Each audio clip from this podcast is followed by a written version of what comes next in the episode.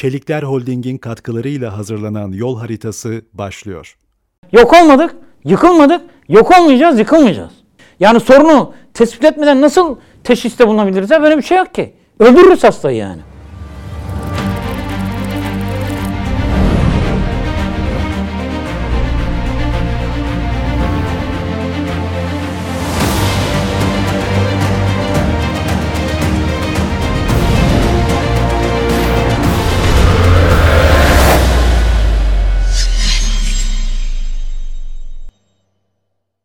Yol haritasının yeni bir bölümüne e, hoş geldiniz. E, geçen hafta Sezai Karakoç e, üzerinden bir okuma yapmıştık. Sezai Karakoç'u, Sezai Karakoç'un düşüncesini bir şekilde inşa eden kültürel, entelektüel, tarihi arka planı çıkarmaya çalıştık. Onun manzarasını çıkarmaya çalıştık. Yani dolayısıyla modernleşme tecrübesi sürecinde e, bir şekilde e, karşı karşıya kaldığımız sorunların bizi bir arayışa sürüklediğini görüyoruz. Yani bir yok oluş felaketinin yani modernleşme bir toparlanma, bir dirilme falan hareketi değil. Yani Türkiye'de anlatılan şey tarihin hiçbir yerinde böyle bir şey olmaz. Siz başkalarının geliştirdiği şeyleri alıp uygulamakla kendinizi geliştiremezsiniz. Böyle bir şey yok. Yani başkaları bir şey üretiyor. Sen onu alıp burada taklit ediyorsun. Buna palyaço tipi e, denir ortaya çıkan manzarada. Yani bir üretiyor, sen tüketiyorsun. Yani gerçekten bir atılım yapacaksan, bir sıçrama olacaksa senin bir şey üretmen lazım. İşte e, yani Sezai Karakoç'un özellikle e, Necip Fazıl'la birlikte e, başlatılan e, yolculukta oynadığı rol e, bizim e, özgün e, bir düşünce e, hareketi, dolayısıyla bir medeniyet fikri, bir hakikat e, mücadelesi ortaya koymamız e, gerektiği fikri. E, dolayısıyla düşüncesi bu çok önemli. Buradan e, yola çıktığımızda geride bıraktığımız 200 yıllık e, zaman diliminin e, Türk mesela Türkiye'de uygulanan laikleşme, modernleşme, sekülerleşme e, projeleriyle e, Türkiye'nin yani bir şekilde yani sömürgecilerle, batılılarla savaşmadı Savaşmadığı halde savaşı kaybetti. Kendini kaybetti çünkü. Bir toplumun e, kendini kaybetmesinden daha büyük bir e, kayıp olabilir mi? Yani biz neye karşı, kime karşı savaştık o zaman? Yani İstiklal Savaşı verdik, bilmem ne falan. Tamam, o zaman e, sömürgecilerin işgal ettiklerinde, sömürgeleştirdiklerinde bu topraklarda yapacakları şeyleri kat ve kat daha fazlasıyla e, yapmışsak, bu toplumun kimliğini yok etmişsek, kültürünü yok etmişsek, ruhunu yok etmişsek, o zaman biz kime karşı ne diye savaş verdik? Hangi bağımsızlık savaşını verdik?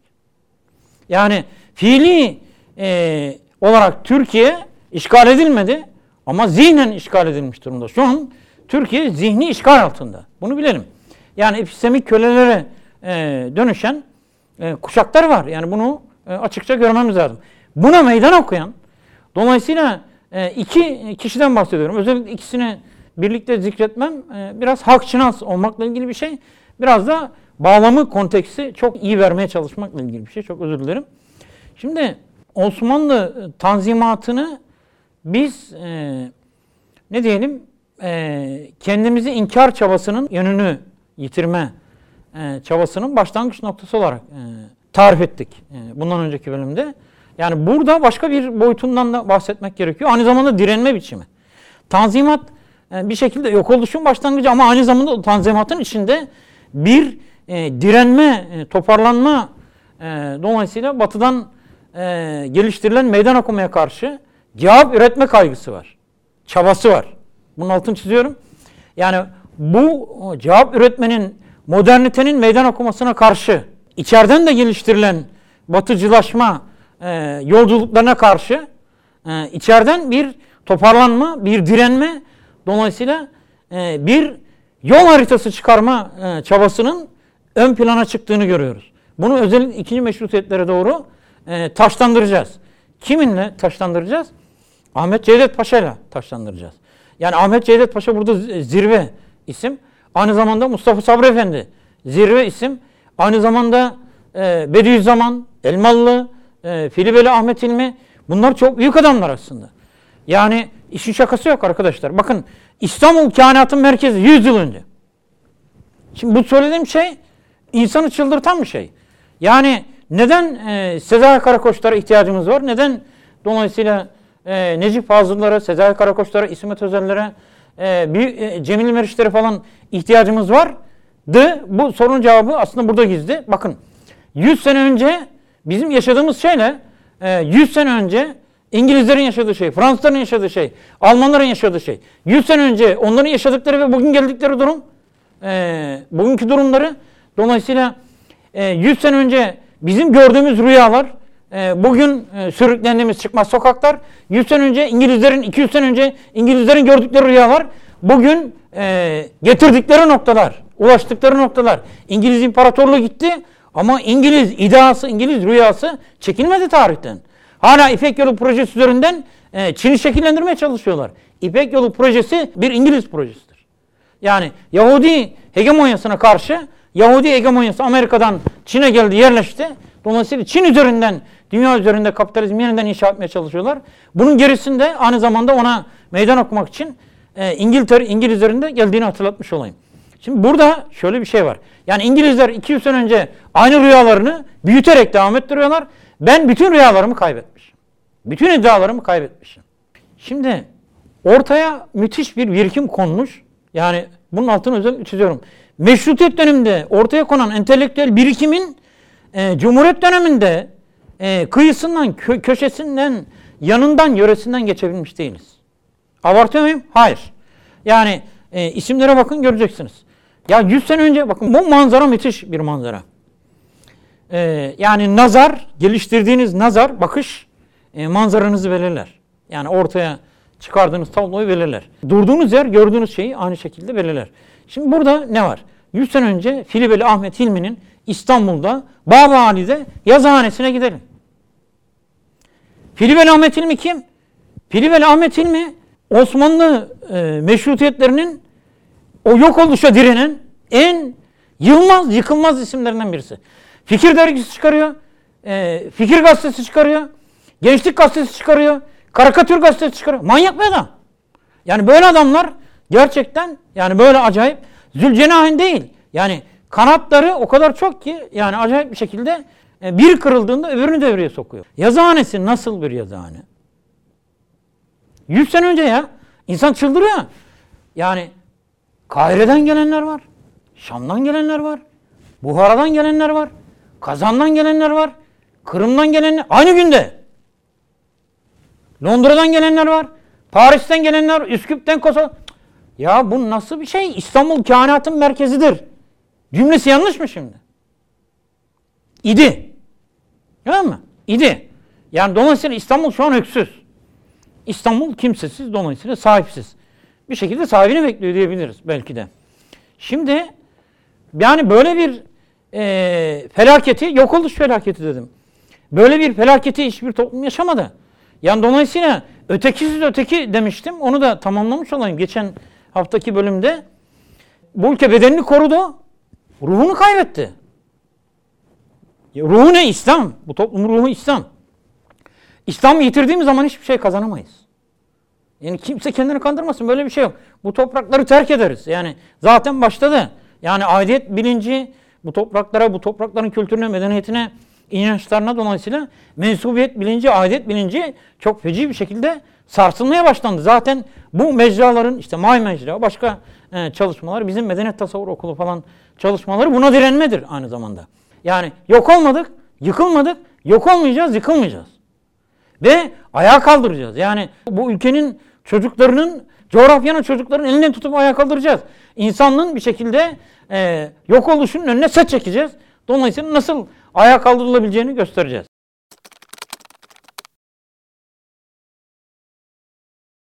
Orada Cumhuriyetle birlikte e, bedenimizi e, kurtardık ama ruhumuzu kaybettik dedim.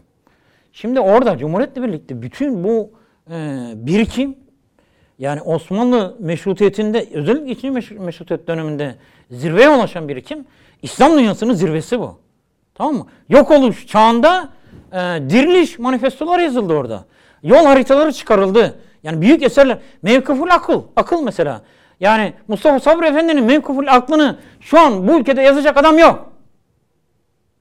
Mevkıful akıl aynı zamanda moderniteyle yüzleşmedir. Biz moderniteyle yüzleşemedik ya.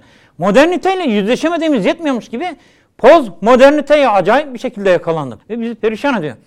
Yani orada yaşanan o direnme e, ve dolayısıyla dirilme, dolayısıyla var olma çabası, direnme çabası bence daha şey yok olmaya direnme belki çabası e, bizim kendi elimizde kendi direnme çabamızı, dirilme çabamızı tasfiye etmekle, yok etmekle sonuçlandı. Cumhuriyetle birlikte yaşanan sekülerleşme projesi, onun altını özellikle çizeyim. Sekülerleşme, laikleşme projesi e, bu toplumun e, tanzimat döneminde toparlanmaya, dirilmeye, e, Batı modernitesine cevap üretmeye başladığı, dolayısıyla meydan üretme, geliştirmeye başladığı e, bir girişime, bir mücadeleye e, e, set vurmadır aynı zamanda. Bunu unutmayalım yani.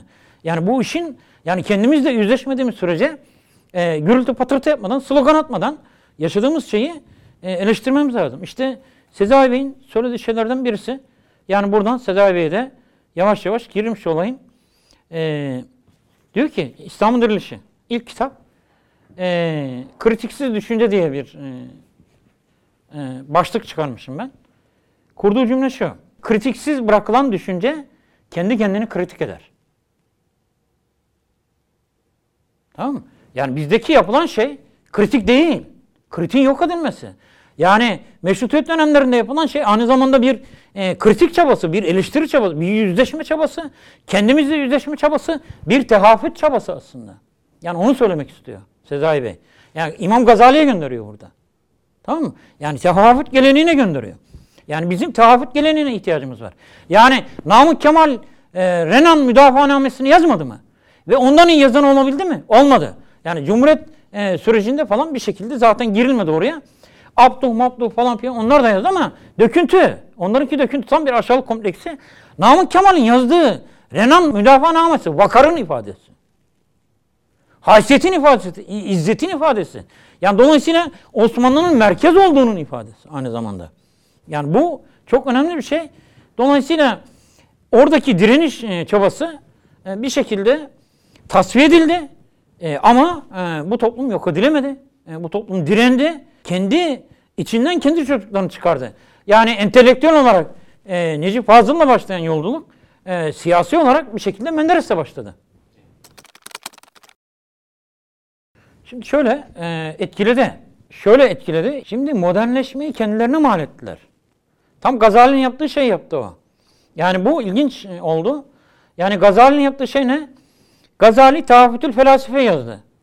Yani e, tam benim bu listeyi hazırlamamın e, nedeni bu. Yol haritası ancak buralardan çıkabilir. Birinci medeniyet krizini Gazali'nin geliştirdiği meydan okumayla açtık. Dolayısıyla Nizamiye medreseleri ve geliştirdiği e, ehl sünnet omurgayı kuran akidede, fikirde ve siyasette üç sütun dikerek çeyrek asırda bin yılı inşa eden e, meydan okumasıyla açtık Gazali'nin. Gazali'yi Gazali yapan şey nedir? Tehafüt müdür? Tehafütül felasife midir? Filozofların tutarsızlığı felsefeye meydan okuması mıdır? Hayır, o nihayetidir. Bu işin bir de bidayeti var. Bidayeti ne? Bir, makasudül felasifedir. Filozofların maksatları felsefenin amacı. Felsefe ne? Onu anlatıyor bize ilk önce. Ondan önce Minyarul ilim yani ilimlerin e, ölçüsü, mantık e, özellikle düşünme çabası. E, Mustasfa yazdı. En önemli eserlerinden birisidir. Bu, belki de baş yani İhya Ulumuddin bütün e, şeyi şekillendirdi, geleceği şekillendirdi ama ilimleri şekillendiren kitap e, Mustasfa'dır. E, fıkıh usulünün ana metinlerinden birisidir. E, fıkıh usulünün e, ana metin, metin metnini kurarken e, Gazali'nin yaptığı şey ne? Gazali'nin yaptığı şey şu. Yani orada isim zikredilmez ama anlarsınız. Yani iyi bilirseniz anlarsınız. Aristo, Eflatun e, acayip bir şekilde her yerde cirit atıyor. Ha, ne yaptı bu adam? Bu adam Aristo'yu, Eflatun'u aldı, kendine mal etti ve dönüştürdü. Çağımızın gazalisi, çağı tanıyarak çağı tanımadığını ilan edecek kişi olarak. Yani bütün e, Grek düşüncesini tanıdı. Hint düşüncesini tanıdı. Mısır, Mezopotamya havzasındaki düşünce geleneklerini tanıdı. İslam'ın idrakiyle bunları okudu. asrın idrakiyle İslam okumaya kalkışmadı. Mehmet Akif'in söylediği gibi. Yani Akif'in söylediği şeyin e, bizi nasıl perişan ettiğini buradan anlayabiliriz. Yanlış bir cümle çünkü. Akif önemli bir adam. Yani ben Akif'le ilgili cümle kurarken biraz dikkat ederim. Yani biraz edepli falan olmak lazım ama her şeye ahlak anıtı olduğu için e, dikkat etmek lazım. Her şeye rağmen e, ama e, Akif'in o cümle Kur'an'dan alıp ilhamı asrın idrakine. Yani sen asrın idrakiyle konuştuğun sürece Kur'an'dan ilham alamazsın. Asrın idrakini Kur'an'a giydirirsin. Benim ihtiyacını hissettiğim idrak İslam'ın idraki. Dolayısıyla Seda Karakoç'un bize armağan ettiği şey o. İslam'ın idrakini kazandırdı. Yani Müslüman zihnini, Müslüman e, zeminini, Müslüman zamanını bu, bunları ben tabii e, yorumluyorum. Nasıl inşa edebileceğimiz konusunda bize bir yol haritası çıkardı. Sezai Karakoç. Şimdi buradaki hikaye ne? Yani Gazali e, ümmileşmiş bir adam. Yani dolayısıyla çağrısı çağını kuran adam. Sezai Karakoç çağrısı çağını kuracak adam. Yani Sezai Karakoç'un e, üstlendiği işlevi e, e, İmam-ı Gazali'nin üstlendiği işleve benzetebilir miyiz? Benzetebiliriz. E, Abartmayalım tabii ki. Yani orada bir diriliş e, mücadelesi var. Hem direniş hem diriliş mücadelesi var. Yani orada e, birinci medeniyet krizi aşıldı. Gazali'nin ektiği tohumlarla aşıldı. Ehl-i Sünnet omurga kuruldu. Selçuklular bu omurgayı kurmak için 400-500 sene mücadele etti. Osmanlılar bu omurgayı korumak için 400-500 sene mücadele etti. Tamam mı? Yani dolayısıyla e, bunun yıkılması demek, bu omurganın yıkılması demek aslında. Yaşadığımız felaket biraz da o. Yani bizim çağımızın gazalisine ihtiyacımız var. Yani Türkçesi bu. E, çağımızın gazalisi kim? Ümmileşmiş kişi. Ümmileşmek ne demek? E, çağın ağlarından, bağlarından, bağlamlarından kurtulacak kişi demek. Bu yetmez. E, ümmileşmek, e, çağı tanıyarak çağı tanımadığını ilan etmek demek. Yani bizim önümüzü açacak insan entelektüel, aydın, gazeteci, stratejisyen değil. Yani bunlar önce kuşak profilleri. Çağın uygarlığının önce kuşak profilleri. Tamam mı? Ama bu çağ kimin çağı? Benim çağım değil ki. Benim çağrımın kurduğu bir çağ mı? Hayır. Dolayısıyla bu çağ Batı uygarlığının kurduğu bir çağ. Batı uygarlığının önce kuşak profillerinden bahsediyorum ben. Yani entelektüel, aydın, akademisyen, e, bilmem ne, gazeteci. Benim önce kuşağım ne? Benim önce kuşağım alim, arif ve hakim. Tamam mı? Yani dolayısıyla benim yani bilme yolculuğuna çıkacak alim, bulma yolculuğuna çıkacak arif, e, olma yolculuğuna çıkacak hakim. Benim alim, arif ve hakim şahsiyetlerini yetiştirmem lazım. E, El ulema ve resulül enbiya. Yani İslam medeniyeti alimler üzerinden e, neşvü nema bulmuştur. Kök salmıştır. Bütün dünyalara ulaşmıştır. Tamam mı? Yani dolayısıyla peygamberlerin varisleri alimlerdir. Mesela Sezai Karakoç'un medeniyet fikri nedir e, sorusuna e, çok sade ve tabii ki bütün külliyat, diriliş külliyatı bu cümleyi açıyor aslında, açıklıyor. Arz üzerindeki keşifler de, uzay keşifleri de maddi dünyayı arttıran, çoğaltan faaliyetlerdir. Yani bir kantite değişimi söz konusudur. Nicelik, nitelik değil. Ruhtaki merak tatmini veya yeni dünyalarla karşılaşmaktan doğan ferahlama geçici ve sınırlı olmaya mahkumdur. Şimdi burada kilit kavramlarını veriyor. Medeniyetten anladığı şeyin şimdi sonunda medeniyet tarif edecek. Çünkü insan değişmemiştir. Değişen çevresidir. Çevrenin değişmesi şüphesiz ruhumuza bir tesir yapacaktır. Burada ruh kavramı önemli. Yani medeniyetten ne anlıyor Sezai Karakoç? Şimdi oraya geleceğiz. Üç tane kilit kavram kullanıyor. Yani onları ben de kullanıyorum. Yani bayağı geliştirdik onları. Yani bu ilim, irfan, hikmet e, yolculuklarına da e, monte ettim onları. E, bunu inkar edemeyiz.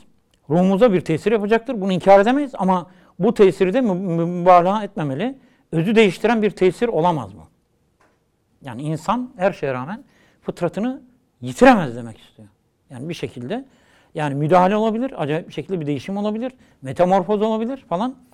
Uzayların en akıl almaz uzaklıklarına da uzansak, orada yer çekimi kanunun iflas ettiğini de görsek, aylarca acıkmasak ve susamasak da bütün bu dış değişimlerin ruhumuzda olduğu gibi yeni bir medeniyet kaderine açılacağını sanmamız bir aldanış olur.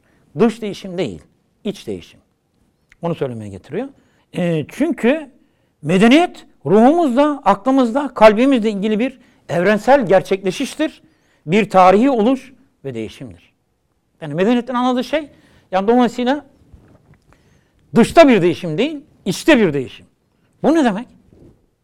Bu Fussilet sorusu 53. ayet. Yani bir şekilde ben bu şey üzerinden e, e, yani daha teorik, e, daha sistematik bir şekilde medeniyet fikrini inşa etmeye çalışıyorum. Sezai Bey'den beslenerek. Bu e, enfüste ve afakta yolculuk demek. Yani afakta yapılan yolculukla, dış değişimle e, bir dünya kuramazsınız. İç değişimle, içeride yapılacak değişimle, e, dolayısıyla enfüste yapılacak değişimle, dolayısıyla ruh, ruhta yapılacak değişimle bir dünya kurabilirsiniz. Yeni bir ruh inşa etmediğiniz sürece, yeni bir ruh atılımı gerçekleştiremediğiniz sürece tarihin akışını değiştiremezsiniz. Tarih ruh atılımlarının eseridir. Yani dolayısıyla buradan oraya geçiyoruz. Burada hiçbir yerde zikretmiyor Sezai Bey. Dış değişim, iç değişim falan diye anlatıyor. Ama biz biliyoruz, yani şeyi bildiği için, e, İslam literatürüne e, vakıf olduğu için bunlara vakıftır diye tahmin ediyorum ben. Tabii ki. Ya oradaki vahidir yani. O yani o iç değişimi e, bize verecek şey, yani ruhu bize verecek şey e, İslam'ın e, hakikat anlayışı. Yani onu e, kitapta göreceğiz. Ben üç e, kilit kavram kullanıyorum. Daha sonra belki bunları aşmak lazım bilmiyorum. Yani bu mirası tevarüs etme e, süreci.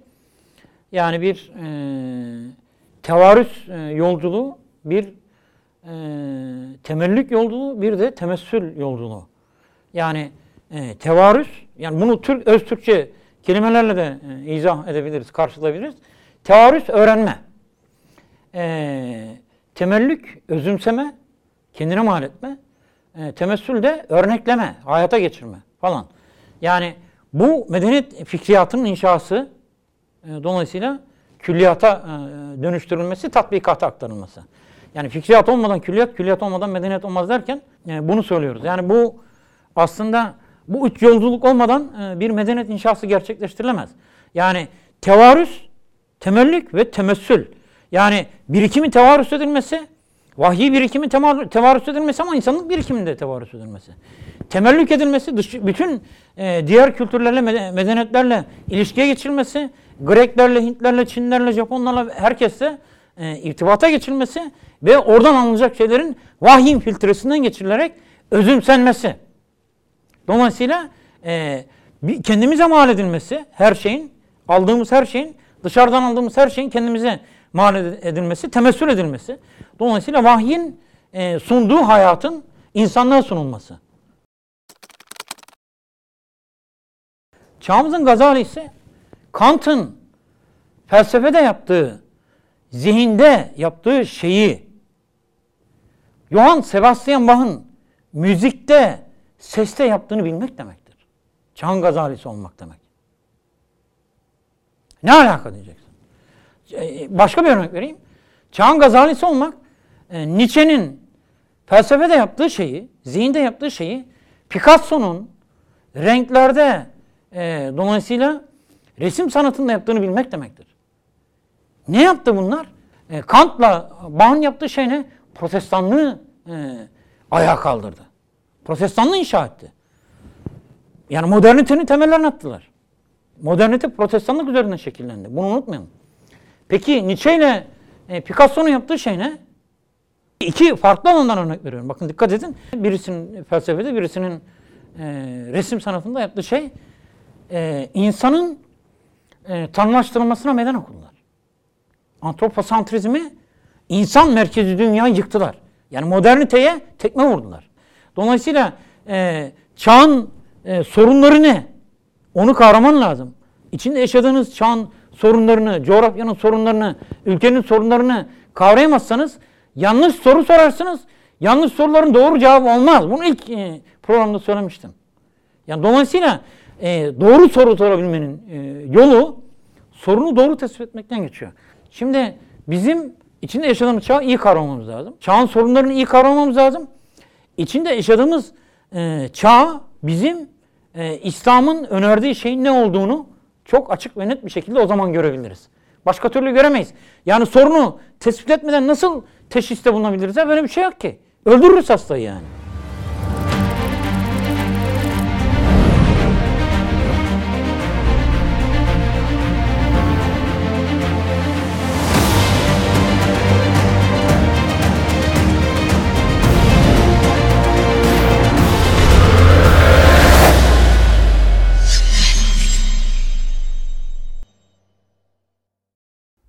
Çelikler Holding'in katkılarıyla hazırlanan yol haritası sona erdi.